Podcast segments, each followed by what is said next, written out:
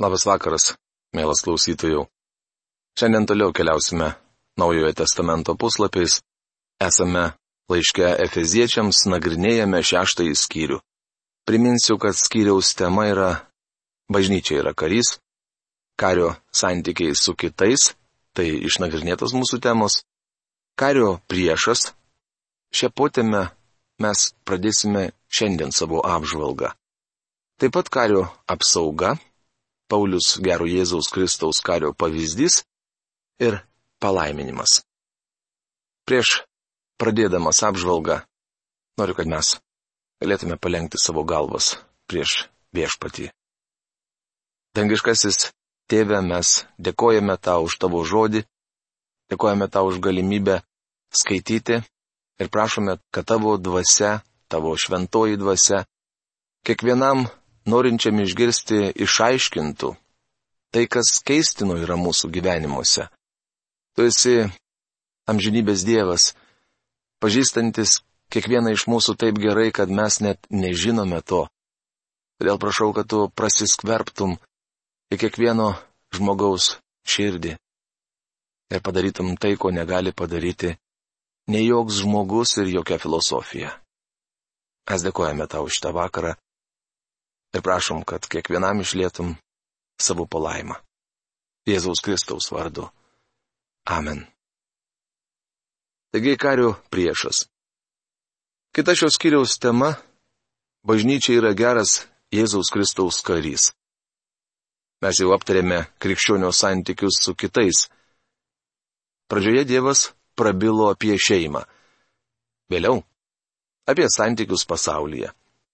Žmogus yra arba darbdavys, arba darbuotojas.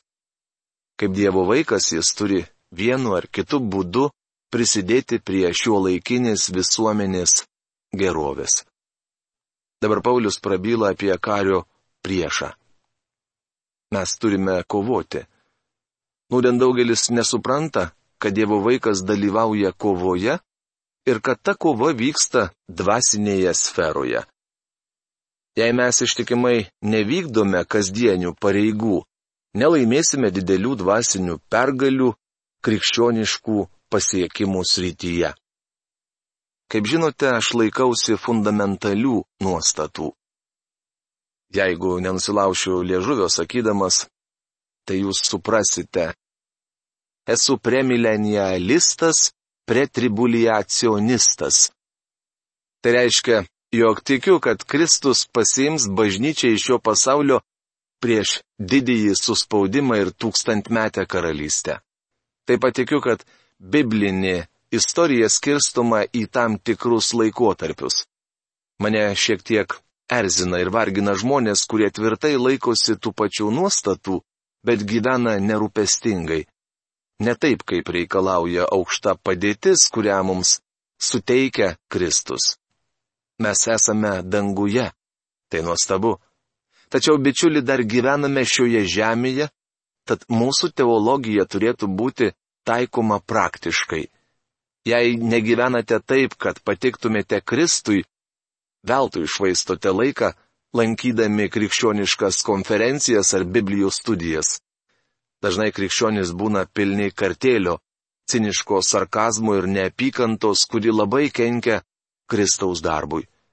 Kodėl šiandien krikščioniško mokymo lygis toks aukštas, o gyvenimas toks žemas? Todėl, kad daugelis turi fundamentales galvas, bet liberales kojas. Saugokime, kad neimtume galvoti, jog mums gana protinio pažinimo ir krikščioniško žodino, kad galėtume sklandžiai ir įtikinamai deklamuoti savo įsitikinimus, nepaisydami gyvensenos. Tie, kurie taip mano, nesupranta, kokioje sferoje vyksta kova. Nemanau, kad velnės daugiausiai darbuojasi naktiniuose klubuose, valkatų landynėse ar mafijos lizduose. Mano nuomonė, sekmadienio rytą į bažnyčią jis sutelkia stipriausią savo pajėgas. Jis grumėsi dvasinėme fronte, tačiau daugelis apsnūdusių krikščionių to nesupranta. Dauguma krikščionių dėjoja dėl blogo pasauliečių elgesio, bet patys apkalbinėja ir kritikuoja kitus. Velnes darbuojasi tose srityse, kur mes mažiausiai tikimės būti jo užklupti. Jis nesišlaisto po miestą vėlų šeštadienio vakarą, bet eina miegoti kuo anksčiau, kad sekmadienio rytą galėtų atsikelti ir anksčiau už kitus atskubėti į bažnyčią. Dvasinė kova vyksta ten, kur skelbiamas Dievo žodis, kur gyvenama pagal šventojo rašto tiesas. Štai tokiuose vietose velnės neresi iš kailio, kad iškovotų pergalę. Kartais bažnyčia sekmadienio rytą gali tapti pavojingiausia vieta. Kokia vieta buvo pavojingiausia tą naktį, kai suėmė Jėzų? Ar fariziejų ložė? Ar galvažudžių lendynė? Ne. Pavojingiausia buvo vakaroti su Jėzumi aukštutinėme kambaryje. Žinote kodėl? Nes tenai tą vakarą buvo ir velnės. Sakoma, kad jis įėjo į judą įskarijotą ir šis nusprendė išduoti viešpatį. Velnės buvo tenai. Manau, tiek judas įskarijotas, tiek Simonas Petras paliudytų, jog tą naktį tai buvo pati pavojingiausia vieta Jeruzalėje. Mes turime suprasti, kur vyksta kova.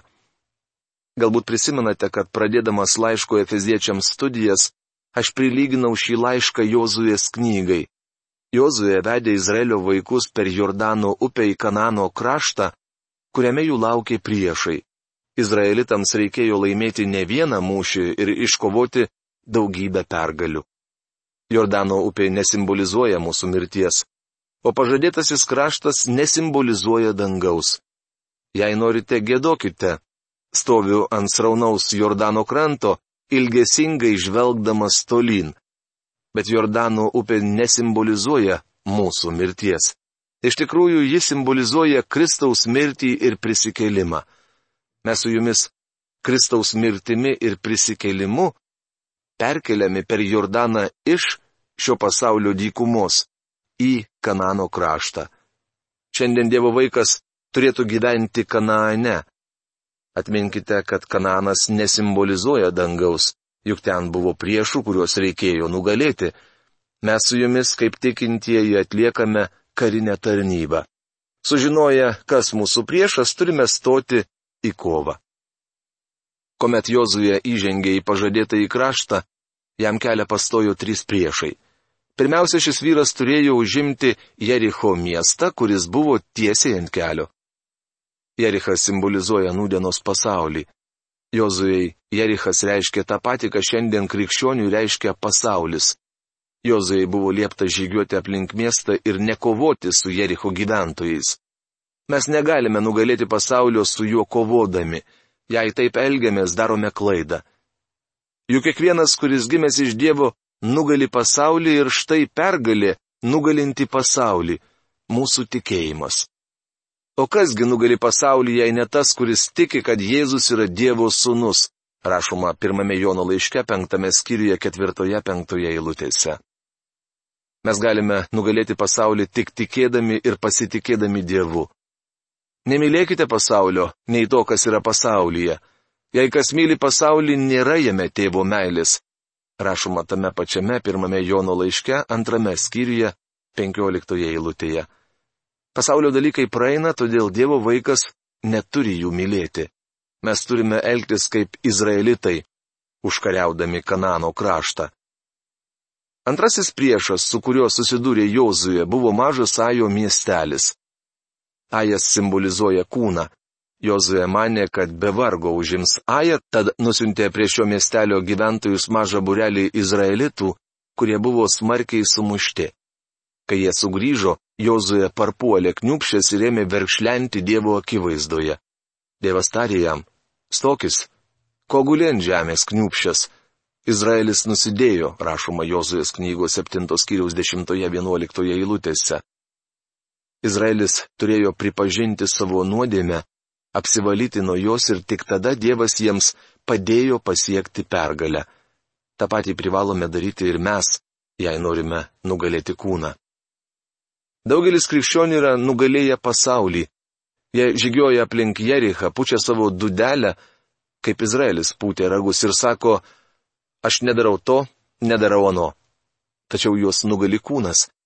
Jie praranda savitvardą, ima liežuvauti, Vienas krikščionis iki priejo prie manęs ir pasakė, kaip čia yra, kad aš vis meluoju ir meluoju.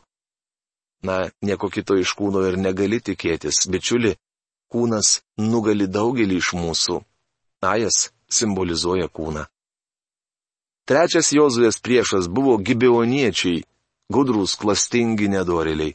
Jie gyveno čia pat už kalvos, bet pasiemė sudžiuvusios ir apipelyjusios duonos, apsevė senais bei sulopytais sandalais, kad atrodytų, jog atvyko iš toli.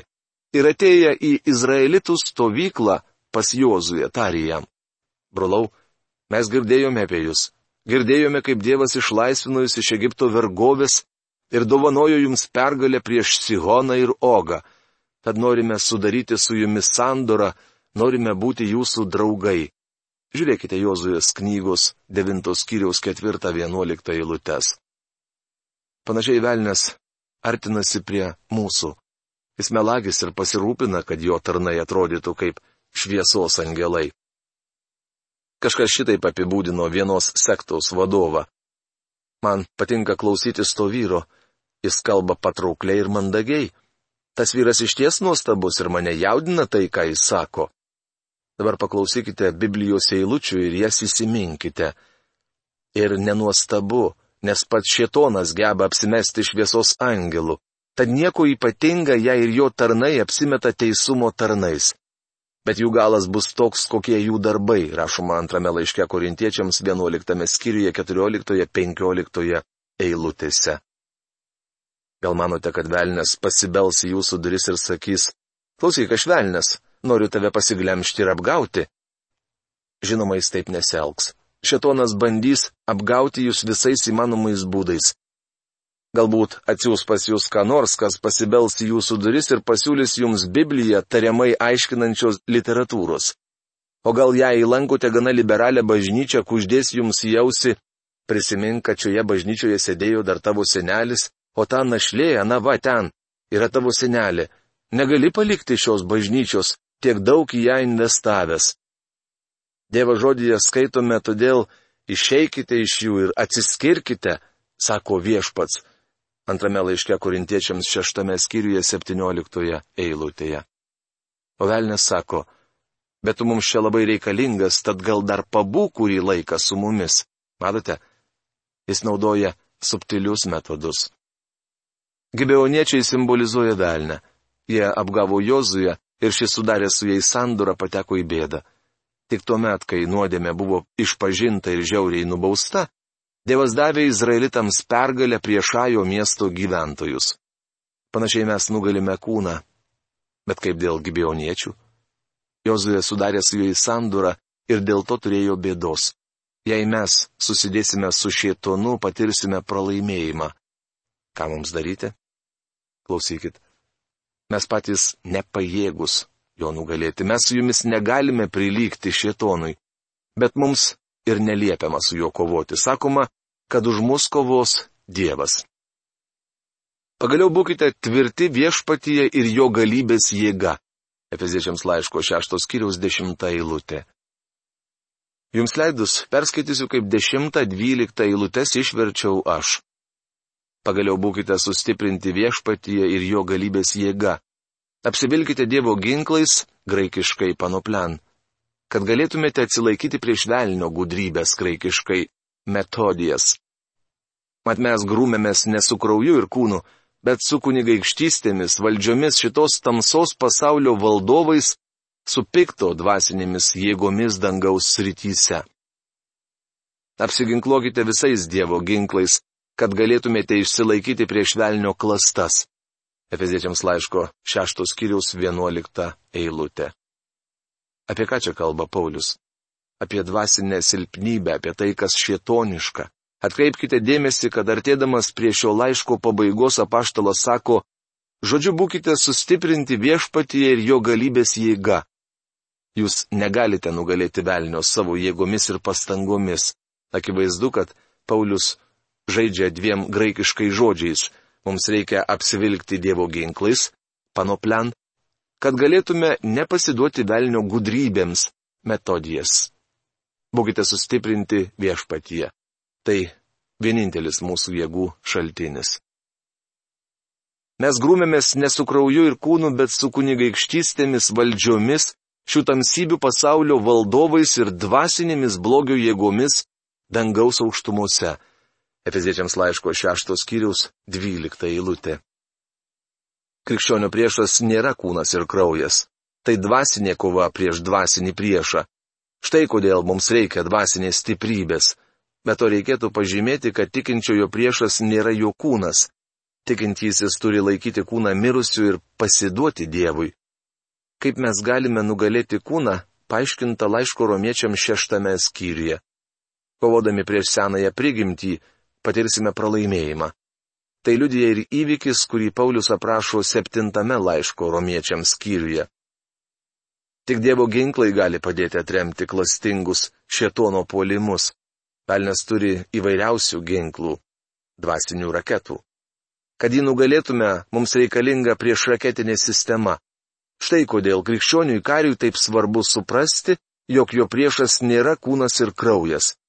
Mes neturime kovoti su kitais žmonėmis. Mūsų priešas dvasinis ir mes kovojame dvasinę kovą. Velnes yra kiekvieno tikinčiojo priešas. Paulius sako, kad mes kovojame su juo. Laimėti pergalę prieš velnę galime paklusdami įsakymams, apsiginklavę visais Dievo ginklais ir išsilaikydami, kaip rašoma 11 eilutėje. Mes dalyvaujame dvasinėme mūšyje. Velnes yra surikiavęs į kovos gretas visus savo pakalikus. Mums sakoma, kad mes grūmėmės su jais. Vadinasi, akis į akį susidurėme su dvasinėmis blogio jėgomis. Iš tikrųjų, dvylikta eilutė yra labai stipri ir svari. Mes grūmėmės ne su krauju ir kūnu, bet su kunigaikštystėmis, valdžiomis, šių tamsybių pasaulio valdovais, visą tai dvasinės rytis ir dvasinėmis blogio jėgomis, kareivijomis, dangaus aukštumuose. Štai kokiame kare mes dalyvaujame. Akivaizdu, kad visai šalia mūsų egzistuoja demoniškas pasaulis. Jei tai būčiau pasakęs, kai buvau jaunas pamokslininkas, niekas nebūtų to patikėjęs. Arba žmonės būtų sureagavę taip, kaip viena ponia, kuris sakė, daktarė Magija, jūsų kalba primena pasakas apie vaiduoklius. Tačiau šiandien satanizmas yra dažnas ir akivaizdus reiškinys. Daugelie miestų yra šietonų bažnyčia. Tose keistose uždarose grupelėse vyksta keisti dalykai. Neseniai vienas vyras man pasakė, Šiandien tai realu. O kas sakė, kad anksčiau nebuvo realu. Jei netikite tuo, apie ką kalbu, atsimerkite ir apsižvalgykite, kas vyksta aplinkui. Žmonės pasiglemžia įvairiausios velnevaus formos. Pasaulyje darbuojasi dvasinės blogio jėgos, kurios kovoja su bažnyčia. Jos priešinasi tikintiesiems Dievui ir Kristui. Nesistengkite paversti viso to juokais. Tai vyksta ir mes patys nepajėgus tam pasipriešinti. Faktą, kad mums reikia nugalėti dvasinį priešą gerai iliustruoja Danieliaus knygos dešimtame skyriuje užrašytas pasakojimas. Danielius tris savaitės meldėsi, bet nesulaukė atsakymo. Tuo metu aš, Danielius, buvau gedėjęs tris savaitės. Nebuvau valgęs gardžių valgių, nebuvau ėmęs į burną nei mėsos, nei vyno, nei buvau tepęsis aliejais ištisas tris savaitės rašoma Danieliaus knygos dešimtos skyriaus antroje trečioje eilutėse. Pagaliau nusileido angelas, palėtė jį ir tarė, Danieliau, brangusi žmogau, gerai įsidėmėk žodžius, kuriuos sakau, atsistok, nes aš atsiustas pas tave. Jam tariančio žodžius, drebėdamas atsistojau. Tuomet jis tęsė, nebijok Danieliau, nes nuo pat pirmos dienos, kai apsisprendėjai suprasti ir nusižeminti prieš savo Dievą, tavo žodžiai buvo išgirsti ir aš atėjau dėl tavo žodžių. Danieliaus knygos 10 skyriaus 11-12 eilutės. Jei tai buvo tiesa, Danielius galėjo paklausti, tai kurgi tu buvai tris savaitės? Paklausykite, ką angelas kalbėjo toliau. Bet Persijos karalystės didžiūnas 21 dieną buvo man priešingas. Tikėk manimi, Man padėti atėjo Mykolas, vienas iš vyriausių didžiūnų. Aš palikau jį ten su Persijos karalystės didžiūnu. Rašoma Danieliaus knygos 10 skyriaus 13 eilutėje. Angelas grūmėsi su demonu ir turėjo kviesti pastiprinimą. Vyko dvasinė kova, kurioje dalyvaujame ir mes. Jau sakėme, kad šios jėgos organizuotos. Kunigaikštystės yra demonai, kurie kontroliuoja tautas. Jie tarsi karo generolai. Valdžios yra eiliniai. Demonai - trokštantys užvaldyti žmonės. Šių tamsybių pasaulio valdovai tai demonai, kuriems pavesta prižiūrėti šetono darbus pasaulyje. Dvasinės blogio jėgos dangaus aukštumose - tai dangaus aukštumose esantys demonai, valdantys religiją. Šetonas turi gerai organizuotą grupę. Jo organizacija darbuojasi pasaulyje ir šią akimirką. Sielvartas, širgila, kentėjimai ir gyvenimo tragedijos yra šetoniškos veiklos rezultatas. Tai jis sukėlė didžiasias problemas, kurių šiandien negali spręsti pasaulis. Priešas aptiktas ir įvardytas, jis dvasinis. Tai šetonas valdantis savo demoniškas pajėgas. Dabar mums reikia suprasti, kur vyksta mūšis. Daugelis bažnyčių pamiršo apie dvasinę kovą. Manome, kad šią kovą laimime tuo met, jei turime gražų bažnyčios pastatą, pritraukime minę žmonių ir sulaukėme nemažų įplaukų. Tačiau mūšis vyksta ne bažnyčios finansų srityje. Patikėkit jai bažnyčia, kuri anksčiau pajėgdavo save išlaikyti, ima grimsti į skolas, vadinasi kažkas blogai. Iš tikrųjų tai ženklas, kad kova dvasinėje srityje pralaimima. Turėtume klausti, ar bažnyčios nariai statydinami Kristuje, ar mokoma Dievo žodžio, ar narius sieja meilė ir draugiškumas, ar užkertamas kelias apkalbų plėtimui. Neturime griebtis įstatymo, tačiau turėtume stengtis išugdyti teisingus santykius tarp brolių ir seserų Kristuje. Dievo dvasia negali darbuotis ten, kur tvyro kritiškumo, kandumo ir neapykantos dvasia. Bažnyčioms patinka skaičiuoti atsivertusiuosius į Kristų ir pasakoti, kiek žmonių nusprendė naujai pašvesti savo gyvenimą viešpačiui. Tačiau dažnai tokie tariami atsivertusieji po poros metų išnyksta kaip dūmai. Regis mes nesuvokiame, kad šiandien vyksta dvasinė kova ir žmonėms reikalingas Dievo žodžio pagrindas. Demoniška jėga pasireiškia tuo, kad žmonės apanka ir leidžiasi pasiglemžiami melus skleidžiančių sektų, kultų ir religijų. Dėl to, tokiuose bažnyčiose ir organizacijose Dievo žodis tampa nereikšmingas. Tai mūsų priešo šietono ir jo demoniškų pajėgų darbas. Mielas klausytojų, šiandien mes savo laidą baigiame. Iki greito sustikimo. Sudė.